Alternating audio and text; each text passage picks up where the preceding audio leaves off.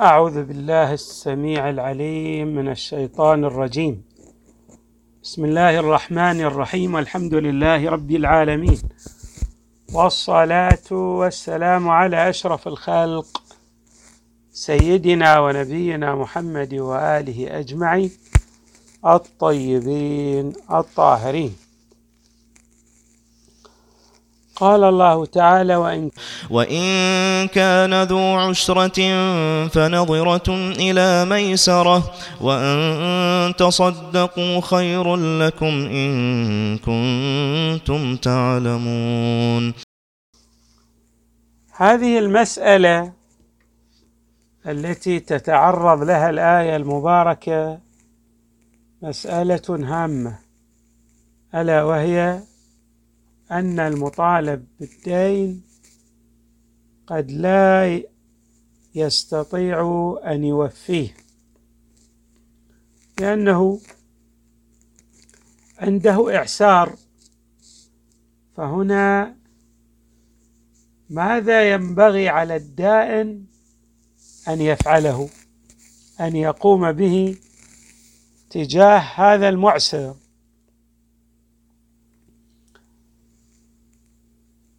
الأمر المتعارف بالنسبة للدائنين أنهم يرجعون الدين ولكن بزيادة. بمعنى أنه إذا أخر هذا الدين أخذ في قبال التأخير زيادة أخرى. غير الزيادة التي أخذها أول مرة. الله تبارك وتعالى كما نهى عن أخذ الزيادة في أول مرة نهى بنحو بين وتفصيلي عن إرجاء الدين وأخذ الزيادة مرة أخرى. يعني زيادة مغايرة للزيادة التي أخذها الدائن أول مرة.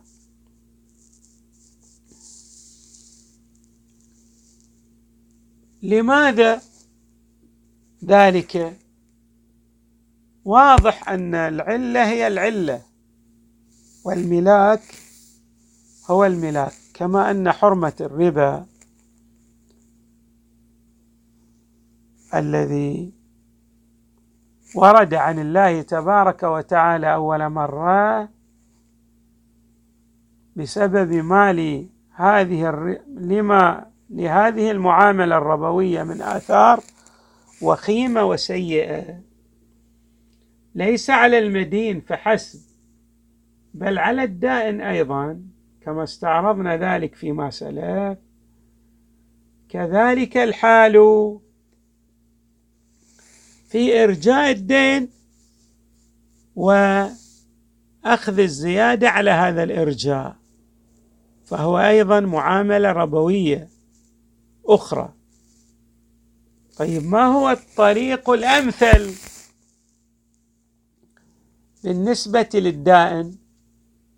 الله تبارك وتعالى أعطاه طريقين. الطريق الأول هو أن يصبر إلى أن يتوسع حال المدين.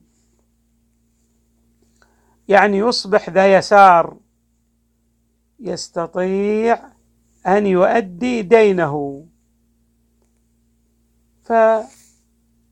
فيأتي هذا الدائن ليأخذ حقه من المدين. هذه الطريقة الأولى. أما الطريقة الثانية وهي الطريقة الأفضل والأكمل والأحسن هي أنه يبرئ ذمة المدين يتصدق بهذا المال على المدين. وهنا في قوله تعالى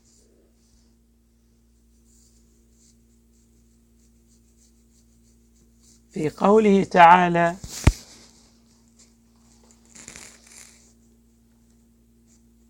وإن كان ذو عسرة فنظرة إلى ميسرة وأن تصدقوا خير لكم. في قوله تعالى خير لكم. إفصاح عن أن مسألة الصدقة هي الأفضل والأحسن للدائن. يتصور بعض الناس أن ذلك يوجب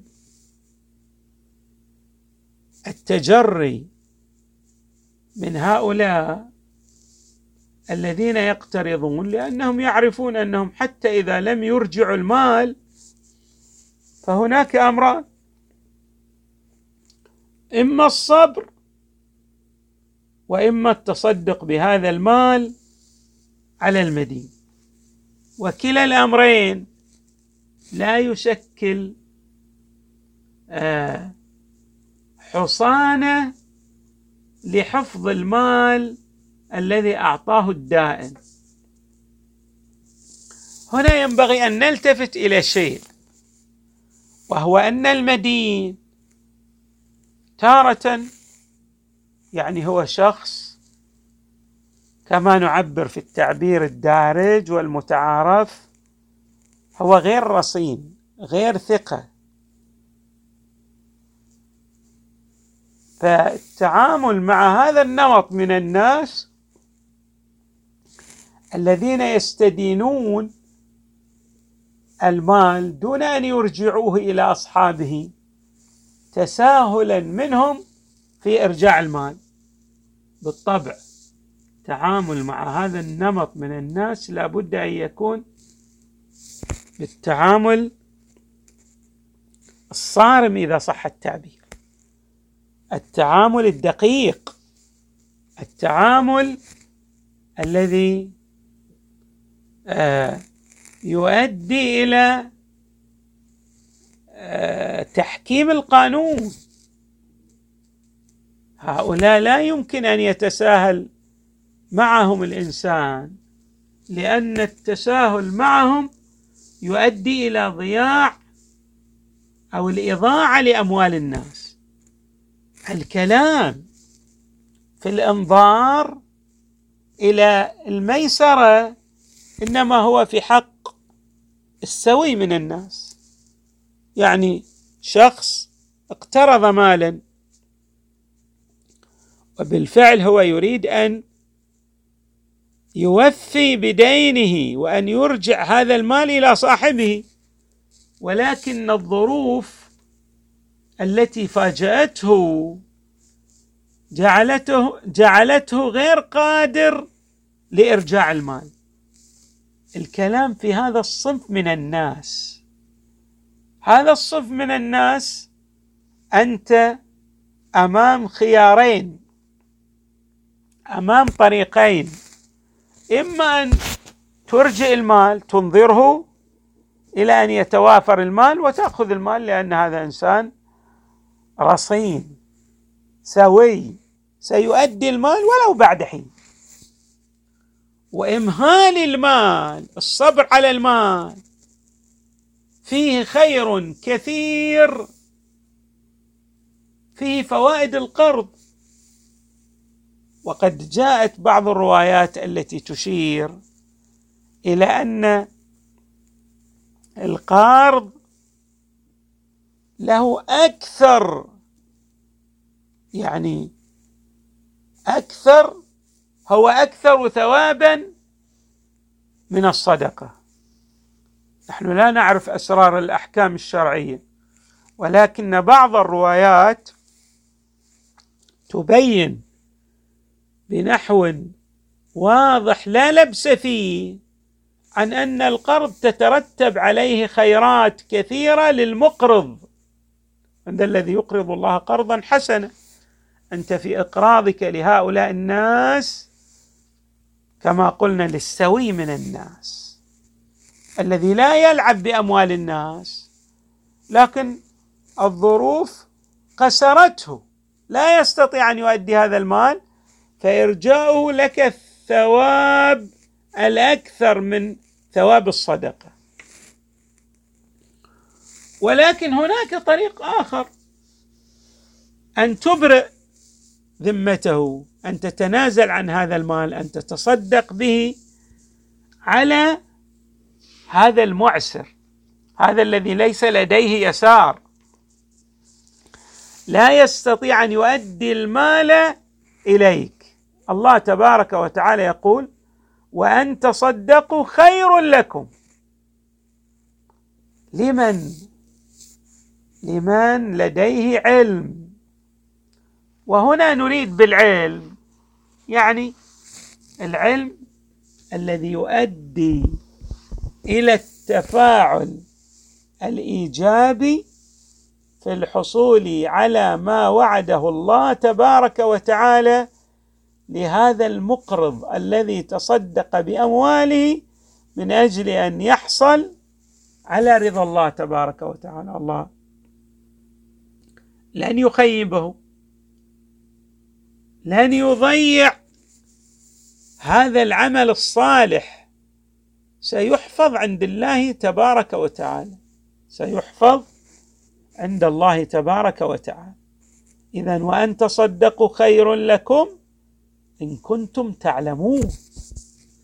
الذي للشخص العالم بأن الله تبارك وتعالى لا يضيع أجر المحسنين.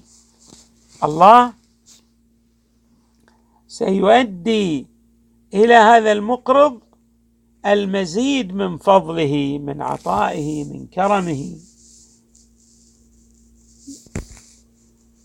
وحتى إن ضاع ماله في الظاهر.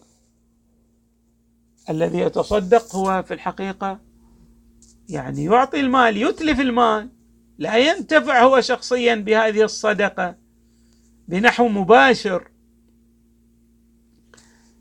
في النظرة البدوية في النظرة الظاهرية. ولكن الأمر في النظرة الحقيقية يختلف. الذي يتصدق هو الذي يربح. الذي يتصدق هو الذي يحصل على الذخيرة التي لا تنفد عند الله تبارك وتعالى. والله تبارك وتعالى يشير أو يبين بقوله إن كنتم تعلمون إلى أن الإنسان الذي لديه علم بما يترتب من الثواب على هذه الصدقة التي أنفقها في سبيل الله لن يتوانى لن يتوانى في إبراء ذمة المدين لن يتوانى في التصدق بهذه الأموال على المدين لأنه يعلم أن النتائج التي سيحصل عليها ليس فقط في عالم الآخرة بل في عالم الدنيا هي أكبر بمرات من استرجاع هذا المال. نعم هي أكبر. لماذا؟ لأن ما يحصل عليه من خيرات معنوية كما تشير إلى ذلك الروايات أكبر بكثير من المال الذي آه، يحصله من المدين. ونقرأ هذه الرواية الجميلة. هي رواية في الحقيقة غاية في الجمال خلاصتها أن النبي صلى الله عليه وآله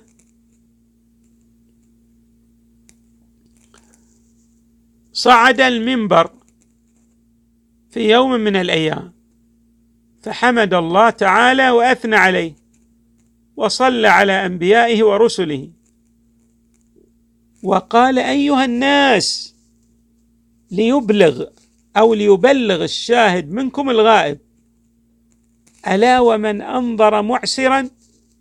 كان له على الله في كل يوم صدقة بمثل ماله يستوفي. أنت أعطيته مثلا قرضا عشرة آلاف كل يوم لك صدقة بعشرة آلاف ريال إذا أنظرته. الإمام الصادق عندما استعرض هذه الرواية جاء بالآية المباركة التي نتحدث فيها وهي قوله تعالى وإن كان ذو عسرة فنظرة إلى ميسرة. وأن تصدقوا خير لكم إن كنتم تعلمون. فإذا الصدقة ها هنا ماذا؟ هي أفضل وأعظم عند الله تبارك وتعالى. كما أن الإنظار والإرجاء له فضل كثير وكبير. نعم.